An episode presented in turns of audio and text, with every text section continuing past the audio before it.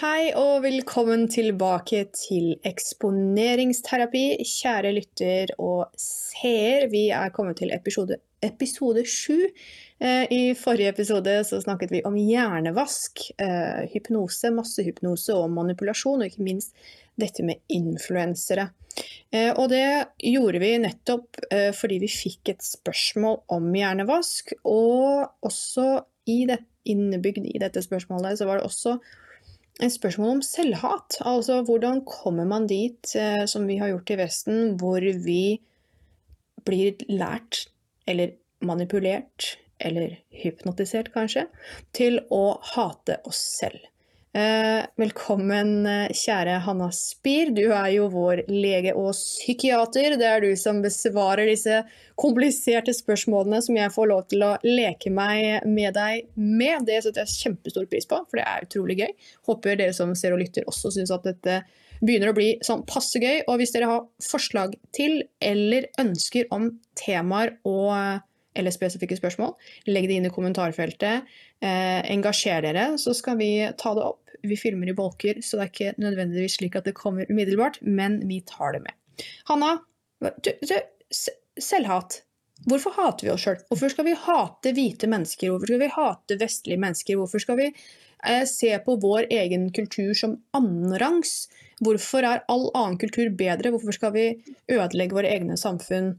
Vår kultur og oss sjøl, og legge oss nederst på en, et hierarki som vi helt siden andre verdenskrig tok slutt, har forsøkt å kvitte oss med. Altså dette å sette menneske, eh, raser og kulturer inn i et hierarki, og noen er bedre enn andre. Hvorfor holder vi på med dette nå? Hva er det som har skjedd? Kan du forklare dette på noen psykologisk måte? Ja, ja, jeg har meg, prøvd å sette meg litt inn i dette, for jeg har også lurt på uh, hvor, det kom, hvor, det kommer fra. Og så Da vi fikk det spørsmålet, tenkte jeg at ah, det er en god sjanse til å, til, til å virkelig finne ut av, av det, da, som jeg, som jeg, selv også har lurt på. Hva er det, i hvert fall eh, Etter det som skjedde med Israel i oktober, hvor, hvor, hvorfor kom det at vi så lett liksom, eh, ikke ville være på deres side. At uh, Israel på en måte er en, er, står, er, symboliserer de vestlige idealene i, i Israel. Jeg syns det var veldig interessant og, og sånn. Så, um, og det jeg har funnet ut av, da, det er at uh, først, det, det, var to ting. Det er denne, Frankfurt School. Som, uh, som, som fant sted i ja, 1930, rundt der, som hadde, var en gjeng med intellektuelle akademikere. Har du hørt om The Frankfurt School of Social Science? Nei, aldri hørt om det. Hva, hva det er det for noe? De som begynte med disse her social science, social uh, Det var de som kom opp med critical theory, og som begynte å spre de ideene. Uh, og de um, ja, og de også kom opp med det her med, hvor de skapte en sånn inter, interdisiplinær eh, interdisiplinær eh, tilnærming imellom disse forskjellige fagene sine, slik at det på en måte spredde seg rundt i, i andre felt også. Så de, de, spredde critical theory, og så, eh, og så i tillegg til det så kom han Howard Zinn, har du hørt om han? Han, han, han, han er kjent ut, men jeg klarer ikke å plassere det. Ja, ja, når de, når de underviser uh, begynte under, De begynte å undervise han på, på 70-tallet i USA. 70-80-tallet i USA.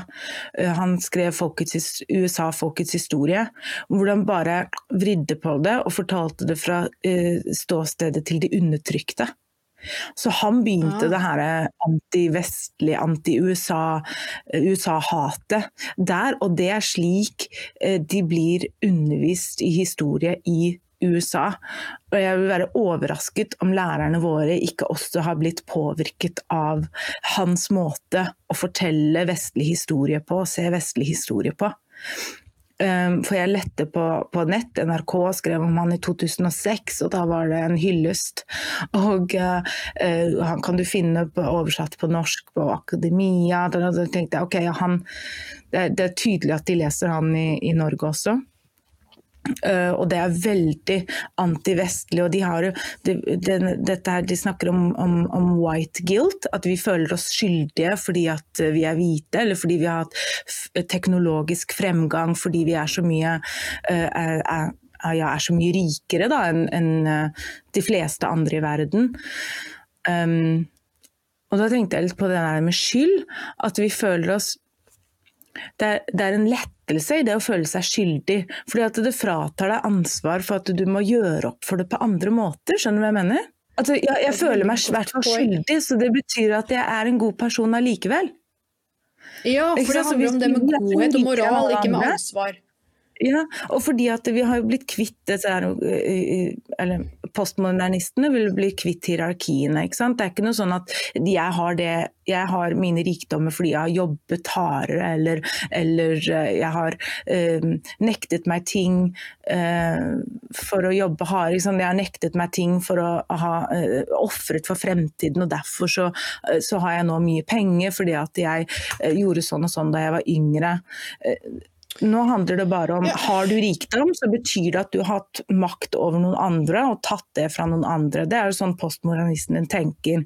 Fordi at de, de snudde så... om på marxismen. Marxistene de hadde, de forklarte alt i det ideologiske perspektivet av økonomi, av klasser. Og så kom disse her, eh, intellektuelle som jeg nettopp snakket om, og så vridde de på det. fordi at marxismen var litt upopulær. etter at På 70-tallet så, så de hva Sovjetunionen hadde gjort. så bare, kan kanskje ikke snakke om klasseskyld lenger. Vi snur det. Så ble, handlet alt om makt og, og rase. Og ja, det du har, det har du pga. kolonialismen, fordi du er hvit, og hvite har misbrukt makten over alle andre. Så hvis du er hvit, så må du føle deg skyldig. Og det, så det har vi jo nå undervist i i generasjoner allerede. Men istedenfor å si ja, OK, du og jeg, Rebekka, vi, vi, er uh, ja, vi er, vi er, jo veldig heldige. Vi har uh, ditten og ditten og datten. Vi, er, um, vi får lov å bo i Europa verdens rikeste land, Norge og Sveits. Og Istedenfor å si ja, da har vi et, et, etisk ansvar om å gjøre livet bedre for de som ikke har så mye. Da er det mye lettere å si ja, åh, vi har så mye, åh, jeg føler meg skyldig, ja. ja. Og så bare går vi videre med dagen hvor jeg tenker ikke mer på det. Ok, jeg har tre ting jeg vil ta opp fra okay, nettopp det, det, du sa. Og det første er det siste. Og det er at ja, vi kan si at vi er privilegert eller heldig eller vant mm -hmm. livets lotteri ved å bli født i Europa eller Vesten eller inn i en rik familie eller ikke. Men vet du, vet du hva? Du mm. kan søren meg bo i Europa og skape det mest udugelige livet for deg sjøl. Det er ikke sånn bare fordi du er mhm. født i Europa at du eh, gidder å legge inn arbeidet det krever å faktisk ha et godt liv. Eh, vi ser mange som faller utenfor. Og vi ser at det er hyppigere med depresjon, mentale lidelser, psykiatri. Folk er ikke villige Jeg leste på Twitter i går. Du, jeg satt med haka nede på knærne.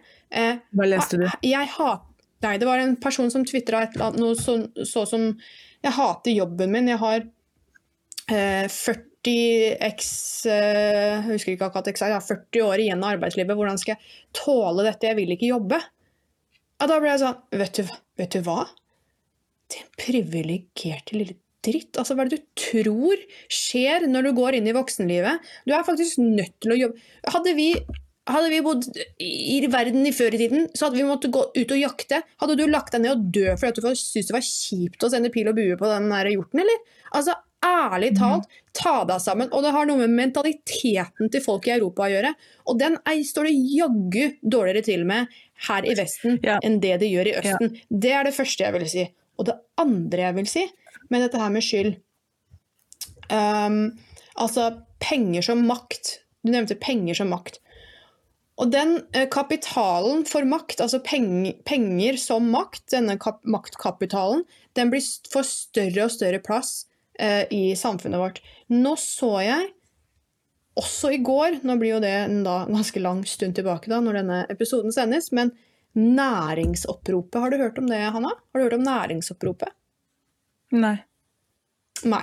Næringsoppropet det er næringslivsledere og ansatte i høyere stillinger som skriver under fordi at de vil boikotte Israel økonomisk. Og Her finner vi Vy, DNB, Posten, Bankaksept, BankID, eh, eh, Alex Sushi Nå er ikke den så veldig viktig, da. Eh, Oslo eh, kommune, en etat i Oslo kommune. Flere med Doktor Drop-In. Altså, eh, vet du hva? Jeg kjente at det holdt på å rakne for meg. For her prøver de å presse folk uh, til å boikotte Israel. De skriver da altså under på det for å prøve å presse staten til å ta investeringer fra oljefondet ut fra Israel. De prøver å få uh, norske myndigheter til å ikke handle med Israel. Og da, og da, er du inne på noe. Da begynner jeg å tenke sånn OK, er det, er det sånn vi skal leke? For da vil jeg eh, velge sjøl, når jeg eh, leverer en selvangivelsen min, hva mine skattepenger skal brukes til. Og det skal ikke brukes på noe av dette. Da må jeg boikotte dette, da. Fordi når bedrifter begynner å ta politisk standpunkt på vegne av et land for å boikotte et annet land, da har du ikke skjønt hvorfor vi har et utenriksdepartement. Nå står det ikke så veldig bra til med vårt utenriksdepartement, men du skjønner hvor jeg vil hen. Altså, dette her da har man gitt penger en helt ny makt, ikke for å drive innflytelse, som vi prata om i forrige episode, men mm -hmm. eh, mhm. brutal maktbruk. Det er det vi driver med. Men ja, du, du nevnte det at vi er så privilegerte. Um, um, det vi snakket om. Men da glemmer du en ting. At det, takknemlighet, det er jo egentlig det du, snak, det, du, det du, peker på da. At vi burde være takknemlige for at vi er så privilegerte. Men Uh, uh, generasjonen sett, uh, iGen, de har pluttet takknemlighet som en del av patriarkiet. Har du fått med deg det? I, ja Takknemlighet er at, men, før, men før du... at eldre sier at du skal være takknemlig, det er en del av det onde patriarkiet. Fordi at Hvis noen sier til deg at du skal være takknemlig, så betyr det at de ikke skjønner offerrollen din. Så de har, kan ikke de bare migrere et annet sted? altså, og det er jo den andre tingen jeg tenker på da, når vi snakker om altså det å være Fordi du er født der, og du har den hudfargen, og du er sånn og sånn, så er du bare automatisk suksessfull. Det er egentlig det de sier. Og eh, jeg vet ikke om noe, noen ja. andre land i verden ja, enn det utvidede Midtøsten som er mer privilegerte enn europeere. Altså, de kan ja. fødes i et shithole country og sette seg på et fly og bli importert til USA eller Europa og få sydd puter under armene og få alt de peker på, og i tillegg undertrykke den befolkningen som bor der fra før. Jeg vet ikke hvem som er mest privilegert, jeg, men jeg begynner å ane hvem det er, og det er ikke meg eller deg, for å si det ja. sånn. Um, men, men eh, du, det, det, er veldig sant som du sier, men, men dette her med å vite hvor privilegerte vi er For å kunne vite det, så må du være i kontakt med folk eh, i våre land, i vestlige land. Du må, nei, du må, kunne se bønder, du må kunne se siden hvordan folk lever som ikke lever akkurat midt i Oslo, akkurat i de urbane, ressurssterke eller, Men de som holder på disse holdningene, disse white guilt-holdningene, antivestlige, antivestlige hatet, det er de som har eh, gode jobber, som kommer fra gode hjem, som bor i urbane um, um, områder. Jeg sitter ofte i middagsselskaper og sånn med, med, med, å snakke med andre kvinner som kommer med disse her disse, det vi snakker om nå. Sånn Gilt og snakker om klasser og snakker om uh, hvordan ikke sant uh, ja, denne, som uttrykker denne skyldfølelsen. Og de har ingen anelse om hvordan andre lever. De aner ikke, de har ikke vært kontakt med dem. Jeg har sett veldig mange av folk som lider gjennom altså I klinikken så ser jeg jo folk som, som jobber med, eh, med, manuelt arbeid, folk som liksom er håndverkere, folk som jobber kassedisken. Og de, de kvinnene jeg da sitter og snakker med, de har ikke hatt de kontaktene. De aner ikke hvordan, hvordan noen lever, at ikke alle er like privilegert også i Norge og i Sveits. Og de sier da, når jeg presenterer dem med hvordan folk lever Vet du hva, folk, folk lider her også. Um, ikke sant? I hvert fall nå i den ja, Køen til økonomiske har aldri vært lenger. etter, etter covid, ikke sant? De hadde ikke eh, de, de var ikke en del av denne laptop-klassen. Jeg skrev til The Federalist om denne laptop-klassen etter at jeg snakket med disse damene, etter at jeg hadde den, den opplevelsen med disse damene. Og jeg bare Hva er det dere sitter og sier? Dette er eh, champagne liberalism. Helt sånn luxury beliefs. Champagne Eh, liberalism. Bedre sagt blir det faktisk ikke.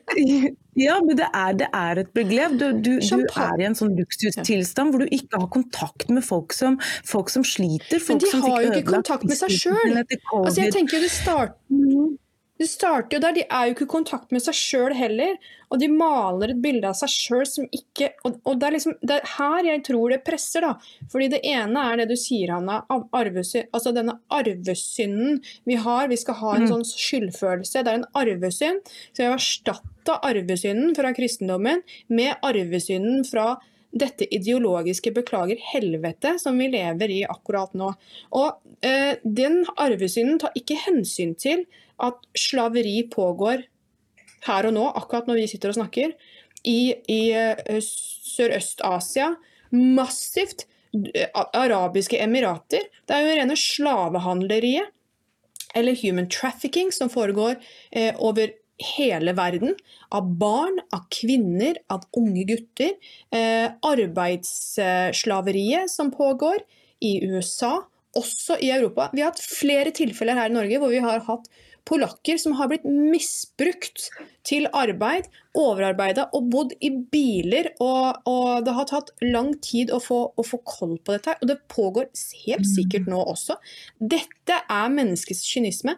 Dette skjer til daglig. Og hvis vi skal snakke om historie, slaveriets historie altså Unnskyld meg, men jeg føler meg ikke skyldig på noen som helst måte. Jeg har ingen dårlig samvittighet, og jeg tar ingen ansvar for at afrikanske stammer kidnappa andre afrikanske stammer og solgte de på skip for å sende de til USA. Sorry, not my problem. Var aldri en del av det. Kommer aldri til å føle skyld for det. Kommer aldri til å betale for det. Og kommer aldri til å gi deg den tilfredsstillelsen av at jeg skal føle meg skyldig av det. Vet du hva?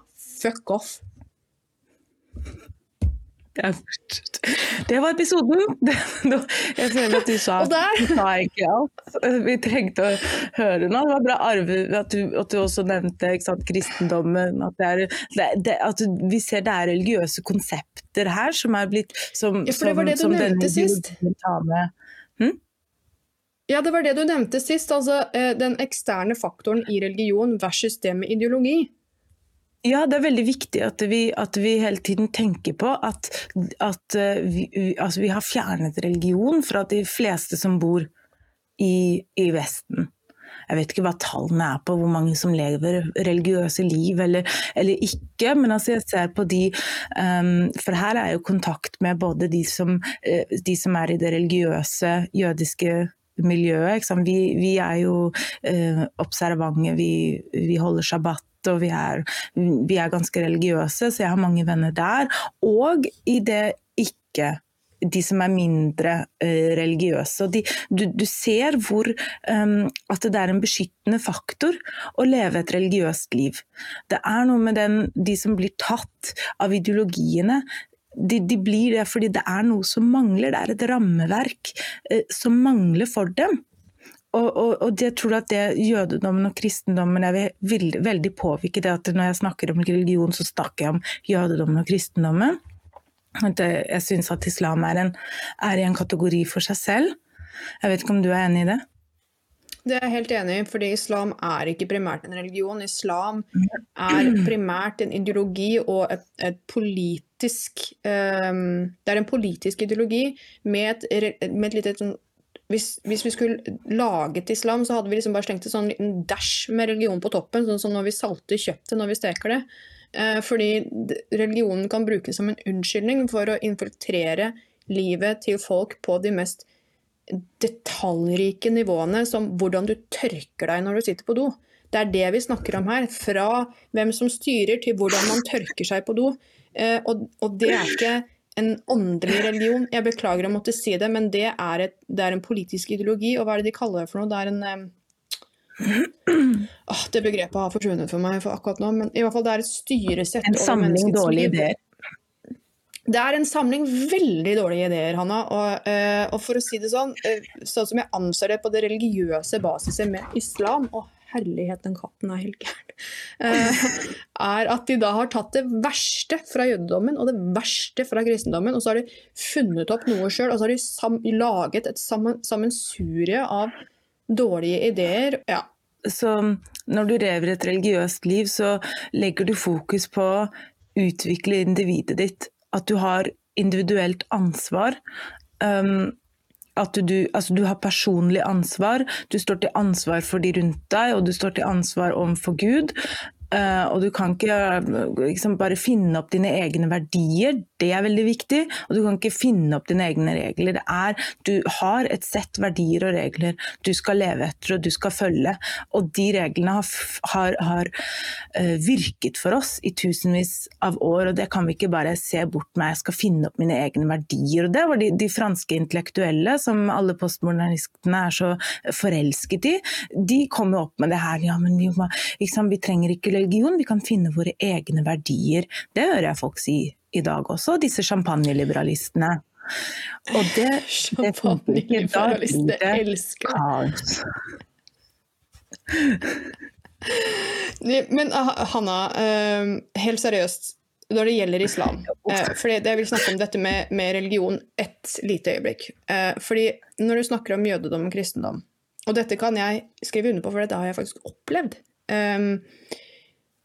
Islam har et hierarki hvor de setter eh, religiøs ytre status høyere enn menneskets verdi. Så forskjellen på jødedom, kristendom og islam, altså jødedommen og kristendommen versus islam, er at eh, i islam så er det viktigere eh, hvordan du tar deg ut og hva slags status du har, fremfor hvordan du behandler dine medmennesker. Eh, det er en mhm. grunn til at Det nye testamentet avløste um, denne dette, um, Altså Jesus han, han, tilga. altså Det handler om tilgivelse. Det handler om medmenneskelighet. Det handler om kjærlighet til kanskje de som eh, ellers ikke fortjener det. Og, og, når det gjelder jødedommen, så kan jeg si det. Jeg var i et bryllup i Israel eh, en gang, eh, Hanna. og var der med noen venner, og, og, jeg var den eneste utlendingen på hele dette bryllupet. Jeg har aldri vært i et israelsk eller jødisk bryllup før i hele mitt liv. Eh, og det du har fått mye oppmerksomhet for ditt blonde hår. Ja, du det var veldig, fikk egen hilsen fra um, The Rabbi. Han uh, Jeg skjønte jo ikke en kvekk av hva han sa, men det er noen annen sak. Det var, det var veldig hyggelig. Men poenget mitt var det, kompisen da, til mine venner var uh, ortodoks jøde, er det det det heter? Altså veldig mhm. sånn fundamentalistisk. Mm -hmm. um, og jeg fikk beskjed da på forhånd at nå kommer han snart, og han kommer ikke til å se på deg. Og han kommer ikke til å hilse på deg, og det har ingenting med deg å gjøre. Det har med hans religion å gjøre. Han er dypt ortodoks religiøst eller fundamentalistisk religiøs. Så ja, ja, så jeg, jeg, jeg, altså, When in Rome, do as the Romans. Altså, jeg får jo ikke gjort så veldig mye med det. Altså, hva skal jeg sette meg ned og bli fornærma og grine? Altså, hadde jeg kanskje vært Gen X eller et eller annet, så hadde jeg kanskje gjort det, da. Men, men jeg gjorde ikke det. Men det som skjedde, De hadde ikke satt opp en sånn safe space til deg fra før av? Sånn der kunne du gå inn med tegneblokk og sitte i ro med katten din og kose? Nei, jeg hadde ikke det. Um, men det som skjedde, var at han kom med kona og, og barna. Uh, og mm -hmm han kom bort til meg og hilste på meg. Og så meg inn i øynene og sa at Og det er dette jeg kan si. Eh, eh, fordi jeg har egentlig ikke lov til å prate med deg, men ville bare vise min respekt overfor at du er her. Så, så han satte altså medmenneskeligheten sin over det faktum at han var veldig dypt religiøst. Og mm -hmm. det, er det, det er der forskjellen går. Og jeg tenker jo at dette tankesettet med å sette moral over medmenneskelighet. Altså, da mener jeg ikke moral, men moralisme, for det er to forskjellige ting. Når man setter moralisme over medmenneskelighet eller menneskets verdi, da går det forferdelig galt. Og det er det denne her antihvite kulten holder på med. Er det ikke det, da? Eh, ja, altså de prøver å utslette individet. Og da, når du, når du setter individet til side, da åpner du deg opp for sånn å bli ideologisk eh, besatt. Så det er en sånn antidote mot hjernevasking, siden det liksom er tema, en antihvit hjernevasking, eh, det er å, å, å, å, sette deg et mål og prøve å bli god på noe. For det, for det høres så avansert ut, hvordan skal jeg utvikle individet ditt? Eh, bestem deg for et eller annet, og så prøver du å bli god på den tingen. Og sånn Når du ser på de der Uh, uh, generasjon Z, iGen-folka. Uh, de, de, som er veldig besatt av feminismen, av klima, de klimaaktivistene med um, blått hår og skriker på gata og sånn. Hva, hva, er, hva, er, det de er gode på? Tenk om du hadde satt dem inn i en eller annen aktivitet og sagt det skal du gjøre i hvert fall tre kvelder i uka. Bli utrolig god på det. Da hadde de ikke hatt tid til å stå på gata og skrike og, og oppføre seg dårlig. Hvis du på en måte prøver å innføre litt disiplin, og så prøve å sette, sette deg et mål og bli utrolig god på den tingen. Da har du allerede en beskyttelse mot å uh, for, altså, miste deg selv inn i et eller annet annet. For, for, å gjøre noe konkret, da, hva skal vi gjøre for barna, hva, hva, hva skal vi gjøre for barna våre for at de ikke skal bli eh, tatt opp av sånne ideologismer som vi har så mange av i dag. At vi mm. gjør dem opptatt med, no, med, noe annet, og utvikle seg selv til, eh, til, til sitt potensial for å komme til ytterkanten av det de klarer å gjøre. Så hvordan eh, motstår vi da white guilt, eh, Hanna? Vi er nødt til å ta tilbake det individualismen. Vi er nødt til å sette moral over moralisme. Vi er nødt til å tenke på eh, ting utenfor oss selv. Og også komme til håper jeg, come to terms with. Jeg glemmer jo norske referanser. Mm -hmm. Ja, men det, det, ikke sant, det her med, jeg tror at vi må fokusere på takknemlighet, akkurat som du nevnte i stad. Liksom, hvis vi er liksom, bekymret for det barna våre lærer på skolen, og at de får skyldfølelse for at de er hvite, skyldfølelse for ditten og datten. Um, det motsatte av det er jo å tenke ok, ja, jeg har noe, noe, som en annen ikke har. Da har jeg et ansvar for å gjøre verden rundt meg litt bedre. Jeg, må, jeg er takknemlig for det jeg har, og da prøver jeg å gjøre noe for noen andre. Det er en mye bedre måte å se. Vi har jo alle sammen 100 ting vi kan føle oss skyldig for. Det er jo ikke noe vanskelig å få noen til å føle seg skyldig. Så det er jo klart at det blir, um, det blir instrumentalisert av de som prøver å påføre andre, drive andre inn i denne ideologien deres. Så det er ikke noe vanskelig å få deg til å altså, føle deg skyldig. Jeg er allergisk mot det der. Jeg er allergisk mot det. Fordi uh, når jeg får den beskjeden fra noen andre at ting kommer lett til meg, så vet du ingenting om mitt liv. Du vet ikke hvor hardt jeg har arbeida, du vet ikke hva jeg har ofra, du vet ikke hva jeg har holdt på med i mitt liv for å komme dit hvor jeg er i dag, eller mm hvor, hvordan jeg kan leve et liv som jeg er så fornøyd med, som jeg er glad i, som jeg er takknemlig for, faktisk, i veldig stor grad. Mm -hmm. Men det er hardt arbeid. Eh, og skal da liksom hjernevask, hjernevaske meg i gåseøynene til å tenke at eh, jeg, jeg, er skyldig jeg må, meg, jeg må skamme meg fordi, at, fordi ja. at jeg har det bra. Fordi jeg har jobba hardt for å komme til et sted hvor jeg har det bra.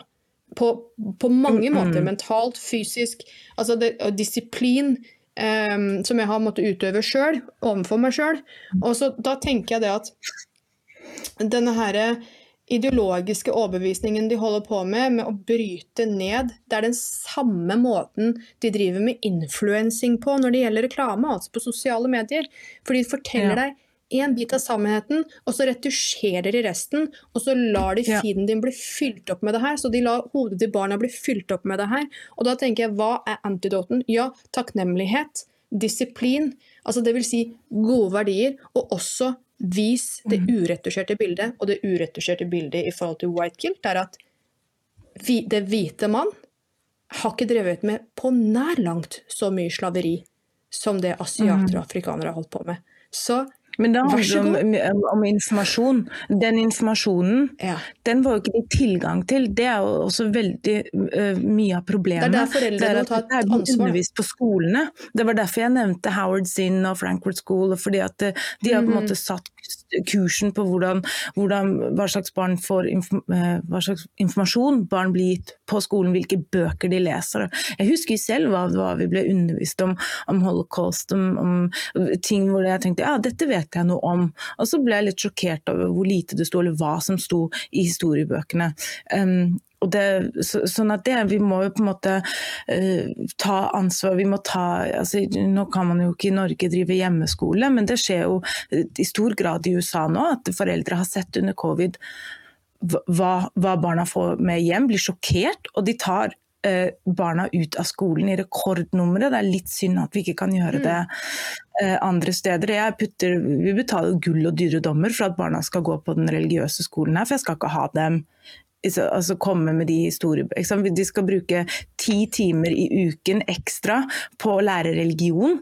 De lærer, de lærer ikke etikk eh, fra normalpensumet, de lærer etikk etter jødedommen. Så det, det betaler vi veldig mye penger for at de skal gjøre. Altså man, vi må nesten begynne å ta uh, utdanningen til barna våre i våre egne hender. fordi for, Ja. På grunn av det pensum som er laget eh, for dem. Så når du snakker om liksom, Du går jo inn i hva som faktisk er, men problemet er jo at barna ikke blir eksponert for hva som faktisk er. Mm. Jo, det har du rett i, Anna, men jeg tenker altså, det er viktige ting det du sier, at uh, ja, vi kan ikke ta barna våre ut av skolen og drive med hjemmeundervisning. Men det er bare enn så lenge vi tillater det, at det er sånn. Fordi vi kan faktisk det. Vi kan endre regelverk. Det er faktisk vi som bestemmer. Og jeg vil gjerne at de som ser og hører på, dere som ser og hører på, finner litt styrke og motivasjon i dette her. Uh, og kan jo ta med dere det også at jeg blir uh, influert, jeg også, når jeg driver på sosiale medier. Jeg kjenner at det skjer. Uh, hvis man er mer oppmerksom på sine egne triggere, dersom man klarer å få til å kjenne etter når er dette et valg jeg kanskje egentlig ville ha tatt dersom jeg ikke hadde vært under påvirkning fra et eller annet sted? Kan jeg sjekke flere kilder? Er jeg nødt til å finne meg i dette her? Nei, man er Ja. jo ikke det, Hanna. Eh, og, det, og det er liksom der det handler om. Man må gå til handling. Unnskyld men den katten her Ja. Og vi må tørre å si sannheten. Vi må tørre, uh, vi må tørre å snakke ut mot det her. Jeg tror det er veldig mye hvorfor dette her blir bare Mm. verre og verre. Hvorfor vi konservative står liksom og skriker hva er det vi gjør. Det er også eh, vår feil for at vi ikke tar på oss nok ansvar til å forandre det, for å si sannheten høyt. Ikke sant? Vi snakker om hverandre. Men nå tenker jeg på liksom, uh, disse programmene til, til dokument, f.eks. eksponeringsterapi. Så har jo folk sagt at dette er så bra, dette her må få, mer folk snakke om. Men hvorfor er det ikke 300 folk som har delt denne linken, tenker jeg da. Ikke for å være litt sånn sterk, men da, det, det Ja, er noe med det. nei, det var- hvorfor, det er lett å si at å, dette må folk vite, og dette må vi snakke om, og si det høyt og sånn. Ja, så del det. Mm. Det var oppfordringen fra oss til deg i dag. Del linken, om det er fra YouTube, Rumble, eh, Spotify eller hvor enn du ser eller lytter. Del linken, og få dette opp på agendaen. La oss snakke om det. Du kan godt legge inn hashtaggen 'la oss snakke om det', for det, er- det sånn at vi er nødt til å begynne å ta tyren med hornene, Hanna. Vi skal eh, avslutte der, fordi Mhm. det er mye som foregår. Og jeg vil igjen oppfordre alle dere som ser og lytter, kom med forslag. Eh, send oss gjerne mm, spørsmål, så Mhm. ser vi dere igjen neste uke. Takk for i dag. Takk. Ha det.